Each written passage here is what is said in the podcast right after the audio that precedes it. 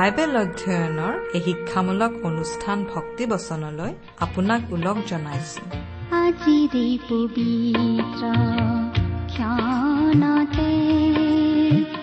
উজলি উঠা খ্ৰীষ্টৰ জ্যোতি। জীৱনৰ ঘাট প্ৰতিঘাতবোৰে আপোনাক ভাৰাক্ৰান্ত কৰিছে নেকি? জীৱনৰ জটিলতাবোৰৰ ভাৰত আপুনি দিশহাৰা হৈছে নেকি? প্ৰিয় শ্ৰোতা তেন্তে আপুনি এই অনুষ্ঠানটি শেষলৈকে মনোযোগেৰে শুনিব। প্ৰভু যীশুৰ বাণীয়ে নিশ্চয় আজি কঢ়িয়াই আনিব আপোনাৰ জীৱনলৈ এক নতুন ছন্দ। দিশহাৰা জীৱনক এক সঠিক দিশ প্ৰদৰ্শন কৰিবলৈ এয়া আপোনালৈ আগবঢ়াইছো পবিত্ৰ বাইবেল শাস্ত্ৰৰ শিক্ষামূলক অনুষ্ঠান ভক্তিবচন। যে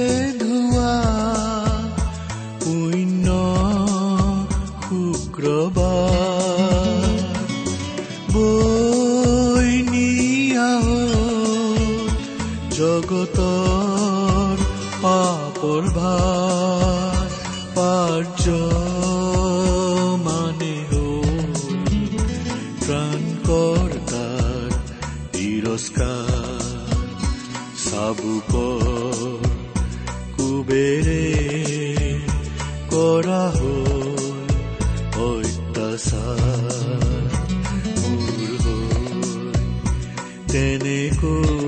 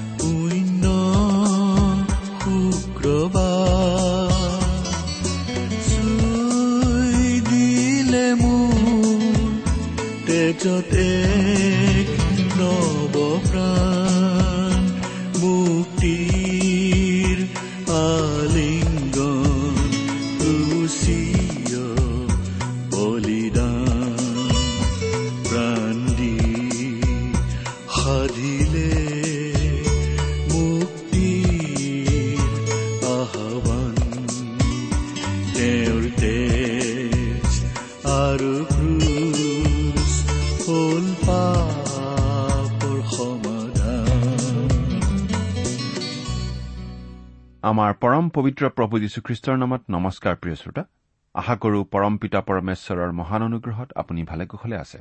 এয়া আকৌ আপোনালোকৰ ওচৰলৈ আহিছো বাইবেল অধ্যয়নৰ এই অসমীয়া অনুষ্ঠান ভক্তিবচনৰ যোগেদি। এটা কথা ভাবি আমাৰ ভাল লাগি যায় যে আপুনি এই অনুষ্ঠান শুনিবলৈ ৰেডিঅ'টো পকাই সাজু হৈ আছে। তাৰ দ্বাৰা এটা কথা স্পষ্ট হৈ উঠিছে যে আপুনি ঈশ্বৰৰ বাক্য শুনি ঈশ্বৰৰ বাক্য অধ্যয়ন কৰি আলোচনা কৰি ভাল পায়। অৰ্থাৎ আমাৰ সৃষ্টিকৰ্তা ঈশ্বৰৰ প্ৰতি আপোনাৰ শ্ৰদ্ধা ভক্তি আছে। আচলতে আমি ঈশ্বৰক ভাল পোৱাৰ আগতেই ঈশ্বৰে আমাক অধিক ভাল পায়। আমি তেওঁক পাহৰি থকা অৱস্থাটো তেওঁ আমাক ভাল পায়েই থাকে। এই কথাটো ভাবিলে আমাৰ আচৰিত লাগে। আমিনো কোন? অতি সাধাৰণ নগণ্য প্ৰাণী মাত্ৰ। তথাপি যে ঈশ্বৰে আমাৰ কথা চিন্তা কৰে ভাবিলে আচৰিত নালাগেনে বাৰু? সেই মহান ঈশ্বৰৰ মহান বাক্য বাইবেল শাস্ত্ৰ। বাইবেল শাস্ত্ৰৰ যোগেদি ঈশ্বৰে আমাক কথা কয়। এই বাইবেল শাস্ত্ৰ অধ্যয়নৰ বাবেই আমাৰ এই অনুষ্ঠান। এই অনুষ্ঠানৰ যোগেদি বাইবেল অধ্যয়ন কৰি বহুতো লোকে উপকৃত হোৱা বুলি আমালৈ লিখে। কোনো কোনো শ্ৰোতাই গঠনমূলক সমালোচনা আগবঢ়াই আমালৈ লিখে। আপুনি বাৰু কেতিয়াবা আমালৈ চিঠি লিখিছেনে? আজি এই দুষাৰিমান লিখি নপঠিয়াই কিয়? আহকচোন আমি প্ৰাৰ্থনাৰে আজিৰ বাইবেল অধ্যয়ন আৰম্ভ কৰোঁ হওক। আমি প্ৰাৰ্থনাত মূৰ দুৱাওঁ হওক। স্বৰ্গত থকা আমাৰ অতি মৰমীয়াল পিতৃ ঈশ্বৰ প্ৰভু তোমাক অশেষ ধন্যবাদ জনাইছো।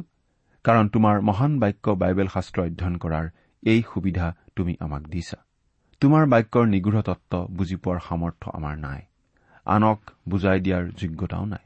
প্ৰভু তুমিয়েই আমাক শিকোৱা তুমিয়েই আমাক বুজোৱা। এই ভক্তিবচন অনুষ্ঠান যিসকল লোকে এই বিশেষ মুহূৰ্তত শুনি আছে সেই প্ৰতিজন লোকক তুমি জানা। তেওঁলোকৰ প্ৰয়োজন কি তাকো জানা। তেওঁলোকৰ যদি কিবা সমস্যা আছে তাকো তুমি জানা। প্ৰভু তুমি প্ৰতিজন শ্ৰোতাৰ প্ৰয়োজন পূৰণ কৰি তেওঁলোকক উপচি পৰাকৈ আশীৰ্বাদ কৰা। তেওঁলোকে যাতে তোমাৰ মাত স্পষ্টকৈ শুনিবলৈ পায় এনে আশীৰ্বাদ কৰা। তেওঁলোকৰ জাগতিক প্ৰয়োজনসমূহৰ লগতে আম্মিক প্ৰয়োজনসমূহো পূৰণ কৰা। আমাৰ এই অনুষ্ঠান তুমিয়েই পৰিচালিত কৰা। কিয়নো এই প্ৰাৰ্থনা আমাৰ হকে ক্ৰুচত প্ৰাণ দি নিজৰ অমূল্য তেজ বোৱাই আমাৰ সকলো পাপৰ প্ৰায়চিত্ৰ কৰি তৃতীয় দিনা কবৰৰ পৰা পুনৰ জি উঠি সোঁ শৰীৰে স্বৰ্গলৈ গৈ এতিয়া স্বৰ্গত আমাৰ হকে নিবেদন কৰি থকা আমাৰ মহান ত্ৰাণকৰ্তা মৃত্যুঞ্জয় প্ৰভু যীশুখ্ৰীষ্টৰ নামত অৰ্পণ কৰিছো। প্ৰিয় শ্ৰোতা আপুনি বাৰু আমাৰ আগৰ অনুষ্ঠানটো শুনিছিল নে আমি বাৰু কি আলোচনা কৰিছিলো আপোনাৰ মনত আছেনে? আমি আজি কিছুদিনৰ পৰা বাইবেলৰ নতুন নিয়ম খণ্ডৰ ইফিচিয়াবিলাকৰ প্ৰতি পত্ৰ নামৰ পুস্তকখন অধ্যয়ন কৰি আছো নহয় জানো?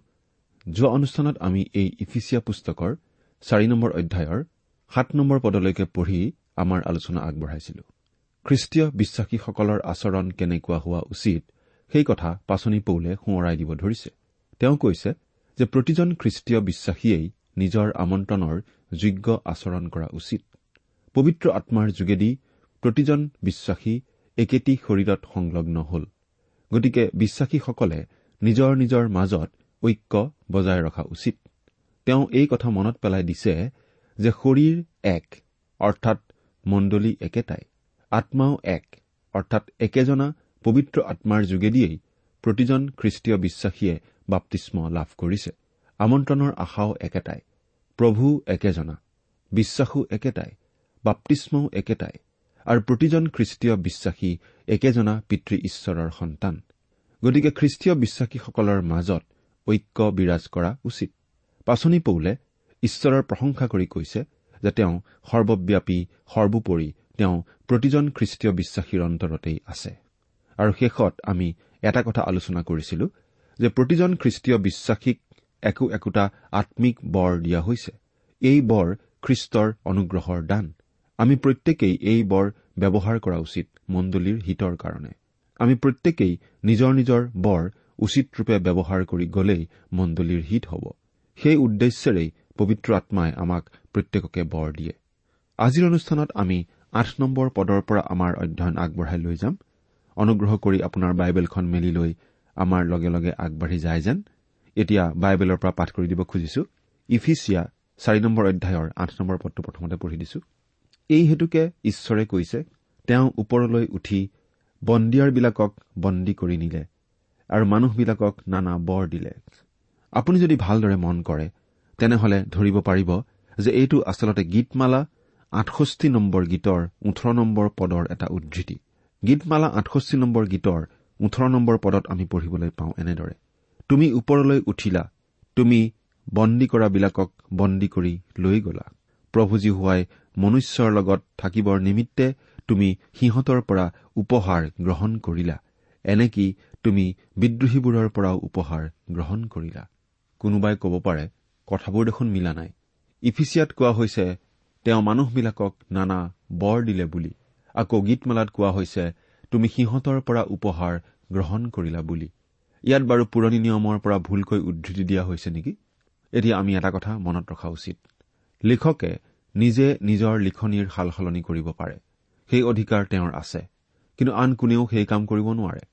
যদি কোনো লিখকৰ লিখনিত কিবা সাল সলনি কৰি কোনোবাই কিবা প্ৰবন্ধ বা আন লিখনি আদি প্ৰকাশ কৰে তেতিয়া লিখকৰ ওচৰত সেই প্ৰকাশকে ক্ষমা বিচাৰিব লগা হ'ব। কিন্তু লিখকে নিজে নিজৰ লিখনি সাল সলনি কৰিব পাৰে। যদিহে প্ৰয়োজন হয় যিকোনো লিখকে নিজৰ লিখনি সলনি কৰি ল'ব পাৰে। নিজে বিচৰা মতে দুই এটা শব্দ দুই এটা বাক্য ইফালে সিফালে সলনা সলনি কৰিব পাৰে। ইয়াত আমি যি শাস্ত্ৰপদ পঢ়িছো তাত দেখিছো যে পবিত্ৰ আত্মাই নিজৰ শব্দ সলনি কৰিছে আৰু তেওঁ এটা বিশেষ উদ্দেশ্যেৰেহে এই সাল সলনি কৰিছে। গীতমালাত আমাক কোৱা হৈছে যে যীশুৱে মানুহৰ কাৰণে উপহাৰ গ্ৰহণ কৰিলে তেওঁ সকলো উপহাৰ অৰ্থাৎ বৰ সাজু কৰি ৰাখিলে। তাৰ পাছত তেওঁ পৃথিৱীলৈ আহিল আৰু আকৌ পিতৃৰ ওচৰলৈ উভতি গ'ল। তেওঁ এতিয়া উপহাৰবোৰ মানুহৰ মাজত ভগাই আছে। তেওঁ সেই উপহাৰ আমাক দি আছে পবিত্ৰ আত্মাৰ যোগেদি। আচলতে ইয়াত আমি এই কথাটোকেই স্পষ্টভাৱে দেখিছো। তেওঁ ওপৰলৈ উঠি ইয়াত যীশুখ্ৰীষ্টৰ স্বৰ্গাৰোহণৰ কথা কোৱা হৈছে। সেই সময়ত তেওঁ দুটা কাম কৰিলে। প্ৰথমতে তেওঁ বন্দীয়াৰবিলাকক বন্দী কৰি নিলে। তাৰ মানে কি বাৰু? আমি ভাবো ইয়াত পুৰণি নিয়মৰ দিনৰ সেই লোকসকলৰ কথা কোৱা হৈছে যিসকলে মুক্তি লাভ কৰিছিল আৰু মৃত্যুৰ পাছত পৰম দেশত আছিলগৈ। কিন্তু প্ৰভু যীশু যেতিয়া স্বৰ্গলৈ উঠি গ'ল তেওঁ এই মুক্তিপ্ৰাপ্ত লোকসকলক পৰম দেশৰ পৰা একেবাৰে পিতৃ ঈশ্বৰৰ উপস্থিতিলৈ লৈ গ'ল।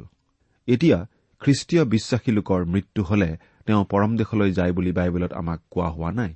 কিন্তু আজিকালি খ্ৰীষ্টীয় বিশ্বাসীৰ মৃত্যু হলে বিশ্বাসীজন শৰীৰৰ পৰা দূৰত প্ৰবাস আৰু প্ৰভুৰ লগত নিবাস কৰা বুলিহে কোৱা হয়। এই কথা আমি পাওঁ দ্বিতীয় কৰিন্ঠিয়া পাঁচ নম্বৰ অধ্যায়ৰ আঠ নম্বৰ পদ ফিলিপিয়া এক নম্বৰ অধ্যায়ৰ তেইছ নম্বৰ পদ। দ্বিতীয়তে প্ৰভু যীশুৱে যেতিয়া স্বৰ্গাৰোহণ কৰিলে তেওঁ মানুহক আম্মিক বৰো দান কৰি থৈ গ'ল। অৰ্থাৎ জীয়াই থকা খ্ৰীষ্টীয় বিশ্বাসীসকলক তেওঁ আম্মিক বৰ প্ৰদান কৰিলে যাতে তেওঁলোকে জগতৰ আগত তেওঁৰ শুভবাৰ্তা ঘোষণা কৰিব পাৰে। স্বৰ্গাৰোহণৰ সময়ত প্ৰভু যীশুৱে পুৰণি নিয়মৰ দিনৰ সাধুসকলক পিতৃ ঈশ্বৰৰ আগলৈ লৈ গ'ল কিন্তু লগতে তেওঁ পবিত্ৰ আত্মাৰ যোগেদি তেওঁৰ বৰসমূহ প্ৰদান কৰিলে। পঞ্চাছদিনীয়া পৰ্বৰ দিনাখন পবিত্ৰ আত্মাই খ্ৰীষ্টীয় বিশ্বাসীসকলক বাপ্তিস্ম দি খ্ৰীষ্টৰ শৰীৰৰ অন্তৰ্ভুক্ত কৰিলে আৰু তেওঁলোকক বিভিন্ন ধৰণৰ বৰ প্ৰদান কৰিলে যাতে তেওঁলোকে শৰীৰৰ অংগ হিচাপে নিজ নিজ কাম কৰি যাব পাৰে। প্ৰতিজন বিশ্বাসীকেই পবিত্ৰ আত্মাই খ্ৰীষ্টৰ শৰীৰ অৰ্থাৎ মণ্ডলীৰ এটা নিৰ্দিষ্ট ঠাইত সংযুক্ত কৰিলে আৰু তেতিয়াৰ পৰা আজিও তেওঁ নতুন বিশ্বাসীসকলক তেনেদৰে খ্ৰীষ্টৰ শৰীৰত সংযুক্ত কৰে। এতিয়া আমি ন আৰু দহ নম্বৰ পদ পঢ়ি দিছো। বাৰু তেওঁ যে উঠিল ইয়াতে পৃথিৱীৰ তলভাগলৈ নমাত বাজে আন কি বুজা যায়? যিজনা নামিছিল তেওঁই সকলোকে পূৰ কৰিবৰ কাৰণে সকলো স্বৰ্গৰ ওপৰলৈ উঠিল। এই পদকেইটাৰ যুক্তিসংগত ব্যাখ্যা এইয়ে যে যিহেতু খ্ৰীষ্ট ওপৰলৈ উঠিল তাৰ আগে আগে তেওঁ নিশ্চয় কোনো সময়ত তললৈ নামি আহিছিল। কোনো কোনো লোকে ইয়াত কেৱল তেওঁ মানৱ ৰূপ ধাৰণ কৰি পৃথিৱীলৈ অহা কথাটোকেই বুজায়। আদিমণ্ডলীৰ বৃদ্ধসকলে এই কথাৰ মাজত খ্ৰীষ্টই পুৰণি নিয়মৰ দিনৰ সাধুসকলক পৰম দেশৰ পৰা উঠাই পিতৃ ঈশ্বৰৰ সিংহাসনৰ আগলৈ লৈ যোৱা কাৰ্যটো দেখা পাইছিল। আমাক এই বুলি কোৱা হৈছে যে খ্ৰীষ্ট কয়দলৈ নামি গৈছিল। তাৰ মানে অৱশ্যে এইটো নহয় যে তেওঁ মৃত্যুৰ পাছত কোনো যন্ত্ৰণা ভোগ কৰিছিল। তেওঁ যে ঈশ্বৰ হৈও মানুহ ৰূপ ধাৰণ কৰি পৃথিৱীলৈ নামি আহিছিল আৰু তেওঁ যিদৰে ক্ৰুচত মৃত্যুবৰণ কৰিছিল তাৰ যোগেদিয়েই তেওঁ নিজকে ইমান সৰু কৰিব লগা হৈছিল যে সেই কাৰ্যই পুৰণি নিয়মৰ দিনৰ সাধুসকলক ঈশ্বৰৰ উপস্থিতিলৈ তুলি নিবলৈ যথেষ্ট আছিল। তেওঁৰ পৰিপূৰ্ণতাৰ ব্যাখ্যা এয়েই। যিজনা নামি আহিল সেইজনাই স্বৰ্গৰ অতি ওখ স্থানলৈ উঠি গ'ল যাতে তেওঁ সকলো ঠাই পূৰ্ণ কৰিব পাৰে। অৱশ্যে এই কথাখিনিৰ আন ধৰণে ব্যাখ্যা দিয়াও আমি দেখিছো। এতিয়া এঘাৰ নম্বৰ পদৰ পৰা তেৰ নম্বৰ পদলৈকে পাঠ কৰি দিছো। আৰু যেতিয়ালৈকে আমি সকলোৱে ঈশ্বৰৰ পুত্ৰ বিষয়ক বিশ্বাসৰ আৰু জ্ঞানৰ ঐক্যত মিলি সিদ্ধ পুৰুষৰ অৱস্থা অৰ্থাৎ খ্ৰীষ্টৰ পৰিপূৰ্ণতাৰ বয়সৰ পৰিমাণ নাপাওঁ তেতিয়ালৈকে পৰিচৰ্যা কৰ্ম সাধন কৰিবলৈ আৰু খ্ৰীষ্টৰ শৰীৰ বৃদ্ধি কৰিবলৈ পবিত্ৰবিলাকৰ সিদ্ধিৰ অৰ্থে তেওঁ কিছুমানক পাচনি কিছুমানক ভাৱবাদী কিছুমানক শুভবাৰ্তা প্ৰচাৰক কিছুমানক ৰক্ষক আৰু শিক্ষক হবলৈ দিলে। তেওঁ কিছুমানক পাচনি কিছুমানক ভাৱবাদী আৰু কিছুমানক শুভবাৰ্তা প্ৰচাৰক কৰি দিলে। কিছুমানক হবলৈ দিলে পালক আৰু কিছুমানক শিক্ষক। ইয়াত খ্ৰীষ্টই মানুহক দিয়া বৰৰ কথা বুজোৱা নাই যদিও সকলো বৰ তেওঁই দিয়ে। কিন্তু তেওঁ যে কিছুমান মানুহক লৈ সেই মানুহবোৰক বিশেষ বিশেষ বৰ দি মণ্ডলীৰ উদ্দেশ্যে সেই মানুহবোৰক দান দিয়ে সেই কথাটো ইয়াত প্ৰকাশ পাইছে। এই বিশেষ মানুহবোৰক বাৰু যীশুৱে কি উদ্দেশ্যেৰে মণ্ডলীৰ প্ৰতি দান কৰে? পৰিচৰ্যা কৰ্ম সাধন কৰিবলৈ খ্ৰীষ্টৰ শৰীৰ বৃদ্ধি কৰিবলৈ আৰু পবিত্ৰবিলাকৰ সিদ্ধিৰ অৰ্থে। এই বিশেষ লোকসকলক মণ্ডলীৰ প্ৰতি দান কৰা হয় যাতে মণ্ডলী আম্মিকভাৱে পূৰ্ণ বয়স্ক অৱস্থা পাব পাৰে।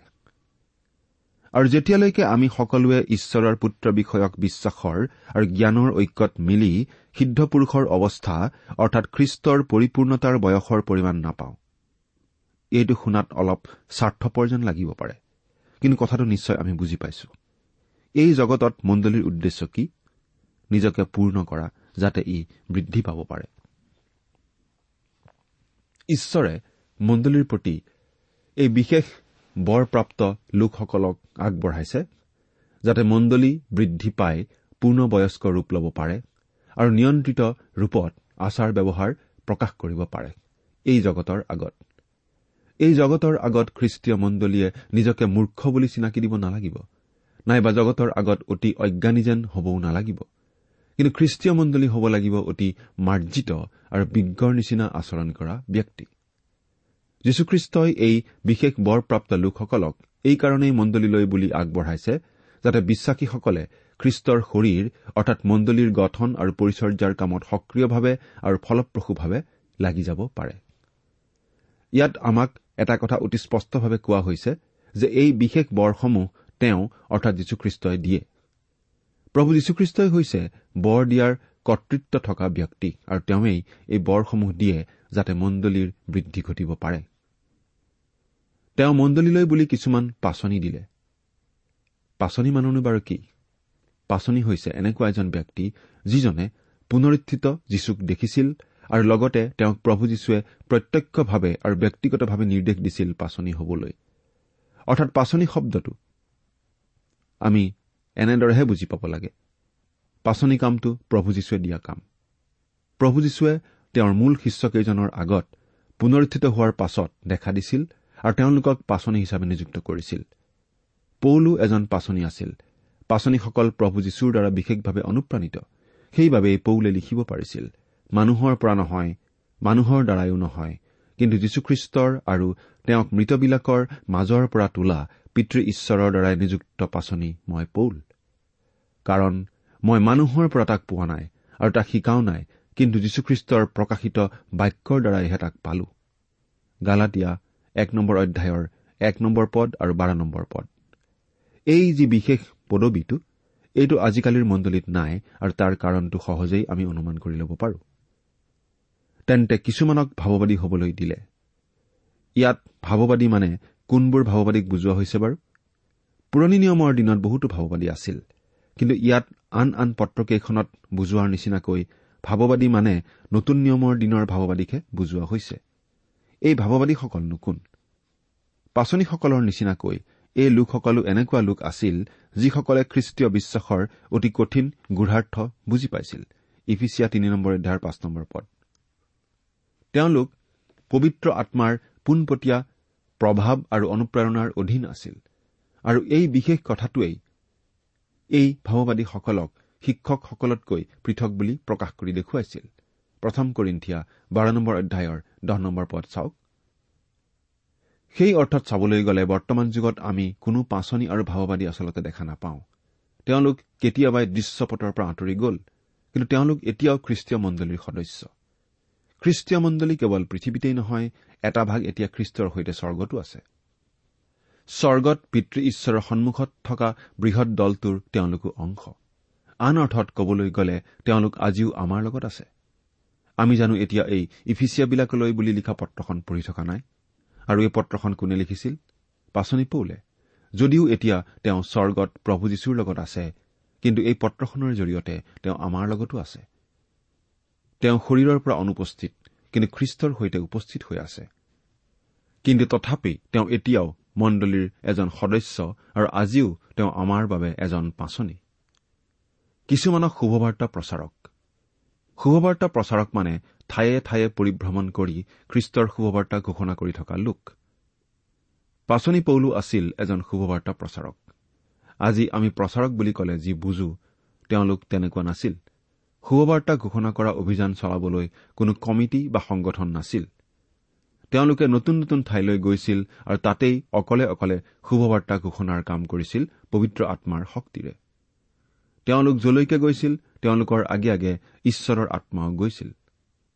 কিছুমানক ৰক্ষক ৰক্ষক বা পালক। তেওঁলোক আছিল বিশ্বাসীৰ দলৰ ৰখীয়া আবদাল কৰোতা কিছুমানক শিক্ষক শিক্ষক মানে বিশ্বাসীৰ দলক শিক্ষা দিব পৰা লোক। এই বিশেষ বৰটোৰ কথা ৰুমিয়া বাৰ নম্বৰ অধ্যায়ৰ সাত নম্বৰ পদ প্ৰথম কৰিন্ঠিয়া বাৰ নম্বৰ অধ্যায়ৰ আঠাইছৰ পৰা ঊনত্ৰিশ পদ আৰু প্ৰথম তিমঠীয় তিনি নম্বৰ অধ্যায়ৰ দুই নম্বৰ পদত আমি পাওঁ। আমি মণ্ডলীৰ পালকজনকহে এজন পৰিচৰ্যাকাৰী লোক বুলি ক'ব খোজো। কিন্তু প্ৰিয় শ্ৰোতা যদিহে আপুনি এজন খ্ৰীষ্টীয় বিশ্বাসী তেনেহলে মণ্ডলীৰ পালকজনৰ নিচিনা আপুনিও এজন পৰিচৰ্যাকাৰী। আমি যে বিশেষভাৱে অভিষিক্ত হলেহে পৰিচৰ্যাকাৰী হওঁ তেনে নহয়। আমি সকলোৱেই পৰিচৰ্যাকাৰী আমাৰ বৰবোৰ বেলেগ বেলেগ। পালকগৰাকীৰ এটা বিশেষ বৰ আছে আৰু বৰটো হৈছে তেওঁৰ মেৰৰ জাকটিক ঈশ্বৰৰ বাক্যৰ পৰা শিক্ষা দিয়া যাতে তেওঁৰ জাকটিৰ আন আন লোকসকলে পৰিচৰ্যাৰ কাম কৰিব পাৰে। তেওঁলোকেই পৰিদৰ্শন কৰা আৰু সাক্ষ্য দিয়া কাম কৰিব লাগিব। কিন্তু সকলো ক্ষেত্ৰতে আমি বাৰু এনেকুৱা দেখোনে আজিকালি? মণ্ডলীৰ লোকসকলে সকলো কাম পালক বা ডিকন বৰ্ডৰ লোকসকলে কৰিব বুলিয়েই হাত সাৱটি বহি থাকিলে নহ'ব। এজন বিখ্যাত প্ৰচাৰকে যেতিয়া প্ৰথমে তেওঁৰ পৰিচৰ্যা আৰম্ভ কৰিছিল শাস্ত্ৰ শিক্ষা দিয়া গীত গান পৰিচালনা কৰা আদি সকলো কাম তেওঁই কৰিছিল। এবাৰ এগৰাকী মহিলাই তেওঁৰ ওচৰলৈ আহি কলে মহাশয় আপুনি খুব বেছি কাম কৰিছে। আপুনি গীত গান পৰিচালনা কৰা আৰু শাস্ত্ৰ শিক্ষা দিয়া দুয়োটা কাম নকৰিলেও চলে। শাস্ত্ৰ শিক্ষা দিবলৈ আপুনি আন এগৰাকী লোকক দায়িত্ব নিদিয়ে কিয়? প্ৰিয় শ্ৰোতা তেওঁ এজন সংগীতজ্ঞ আছিল কিন্তু মূলতঃ তেওঁ এজন খুব ভাল শিক্ষক আছিল। আনক শিকাব পৰা বিশেষ বৰ তেওঁৰ আছিল আৰু আনক পৰিচৰ্যাৰ বাবে সাজু কৰি তুলিবলৈ তেওঁ এই বৰ ব্যৱহাৰ কৰিছিল। এইখিনিতে আমি এটা কথা সোঁৱৰাই দিব খুজিছো। সম্ভৱতঃ মণ্ডলীৰ কোনো মানুহৰ গাতেই আটাইকেইটা বৰ নাই। গতিকে মণ্ডলীৰ পালক বা চলাওঁতাজনেই সকলো কাম কৰিব পাৰিব বুলি আমি আশা কৰা অনুচিত। তেওঁৰ বহুতো বৰ আছে বুলি আমি ধৰি লোৱা উচিত নহয়। তেওঁৰ কাম হৈছে মণ্ডলীৰ সভ্য সভ্যাসকলক আম্মিকভাৱে গঢ়ি তোলা যাতে তেওঁলোকে পৰিচৰ্যাৰ কাম কৰিব পাৰে। আমি এটা কথা মানি ল'বই লাগিব যে আজিলৈকে শুভবাৰ্তা ঘোষণা কৰা কামটো আমি সম্পূৰ্ণ সময় দি পৰিচৰ্যা কৰা লোকসকলৰ বুলিয়েই ধৰি আছো। কিন্তু মণ্ডলীৰ সাধাৰণ সভ্য সভ্যাসকলো সমানেই গুৰুত্বপূৰ্ণ। এজন পণ্ডিতে মন্তব্য কৰিছিল সংস্কাৰ আন্দোলনে সাধাৰণ মানুহৰ বাবে বাইবেল মুকলি কৰি দিলে আৰু এটা নতুন সংস্কাৰে সাধাৰণ মানুহৰ বাবে পৰিচৰ্যাৰ দুৱাৰ মুকলি কৰি দিব। অৱশ্যে আমি আনন্দেৰে সৈতে লক্ষ্য কৰিছো যে দিনে দিনে অধিক অধিক লোক মণ্ডলীৰ কামৰ সৈতে জড়িত হোৱা দেখিবলৈ লৈছো। আজিকালি বহুতো যুৱক যুৱতীকো আমি শুভবাৰ্তা ঘোষণা কৰা কাৰ্যত জড়িত হোৱা দেখা পাইছো। কিন্তু সেই সকলোকে উপযুক্ত শাস্ত্ৰ শিক্ষাৰ প্ৰয়োজন আৰু শাস্ত্ৰ শিক্ষাৰ প্ৰয়োজন আছে বুলি অনুভৱ কৰিয়েই আমাৰ এই বাইবেল অধ্যয়নৰ অনুষ্ঠান আমি প্ৰচাৰ কৰি আহিছো। প্ৰতিজন খ্ৰীষ্টীয় বিশ্বাসীকেই শাস্ত্ৰ শিক্ষাৰ প্ৰয়োজন যাতে তেওঁলোকে উচিত ৰূপে পৰিচৰ্যা কামত ভাগ ল'ব পাৰে। কেতিয়াবা আমি গম পাওঁ যে কোনো লোকে আন কোনো বিখ্যাত বাইবেল পণ্ডিতৰ শিক্ষাৰ পৰা সহায় লৈ নিজে শাস্ত্ৰৰ শিক্ষা প্ৰদান কৰে আৰু পৰিচৰ্যাৰ কাম চলাই থাকে। এই কথাত আমি বেয়া পাবলগীয়া একো নাই বৰং ঈশ্বৰৰ প্ৰশংসা কৰিবহে লাগে। এবাৰ এজন বিখ্যাত বাইবেল শিক্ষকক আন এজন লোকে চিঠি লিখিছিল। মহাশয় মই আপোনাৰ শাস্ত্ৰ শিক্ষা এটাৰ সহায় লৈ এঠাইত শাস্ত্ৰ শিক্ষা প্ৰদান কৰিব খুজিছো। আপুনি অনুমতি দিবনে? সেই শিক্ষকজনে উত্তৰ দিছিল ভাই আপুনি নিশ্চয় মোৰ কথাবোৰ ব্যৱহাৰ কৰিব পাৰে মাত্ৰ এটা চৰ্তত। মই যিদৰে শাস্ত্ৰ শিক্ষা দি আছো তাতকৈও ভালদৰে যাতে আপুনি শিক্ষা দিবলৈ চেষ্টা কৰে।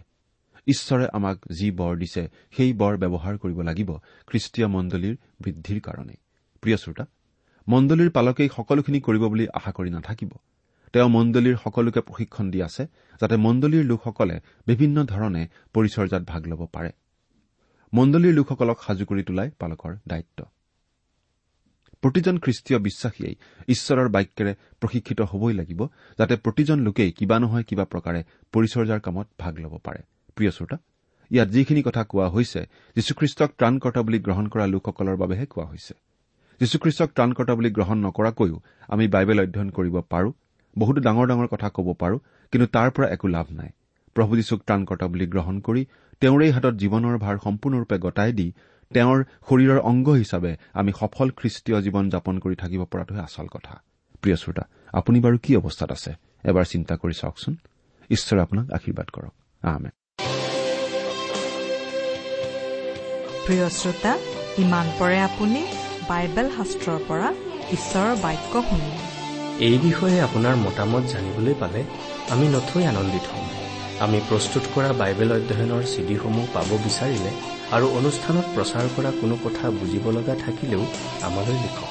আমাৰ যোগাযোগৰ ঠিকনা ভক্তিবচন ট্ৰান্সপল ৰেডিঅ' ইণ্ডিয়া ডাক বাকচ নম্বৰ সাত শূন্য গুৱাহাটী সাত আঠ এক শূন্য শূন্য এক।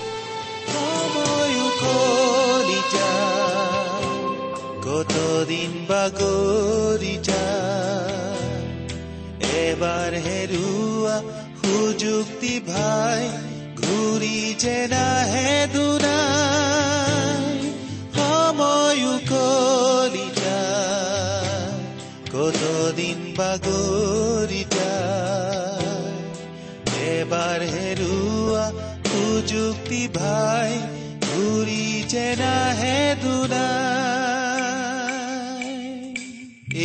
এই যে জীৱন দুদিনীয়া আজি আছে কাইলৈ নাই। এই যে জীৱন দুদিনীয়া আজি আছে কাইলৈ নাই। মাটিৰ মানুহে পায় মাটিতে ঠাই হেৰুৱা সুযোগী নাহে যে তোমাৰ অবাকতে নষ্ট কৰিবলৈ মানুহে সময় যে পায় অবাকতে নষ্ট কৰিবলৈ মানুহে কতনো সময় যে পায় প্ৰভু যিচুৰ কথা ভাবিবলে খন্তে সময় নোলায়।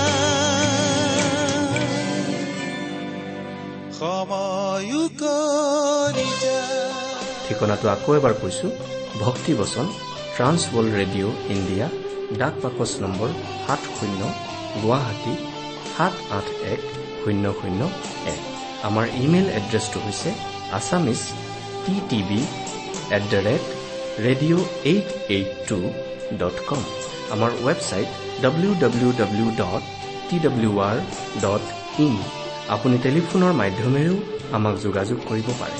আমাৰ টেলিফোন নম্বৰটো হৈছে nine eight five four zero' four zero' eight eight nine. Phone নম্বৰটো আকৌ এবাৰ কৈছো ন আঠ পাঁচ চাৰি শূন্য চাৰি শূন্য আঠ আঠ ন।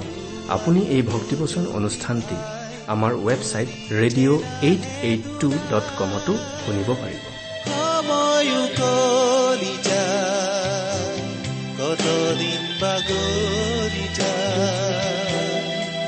এবাৰ হেৰুৱা সুযুক্তি ভাই ঘূৰি যে নাহে দুনাই আজিৰ অনুষ্ঠানটি ইমানতেই সামৰিছো।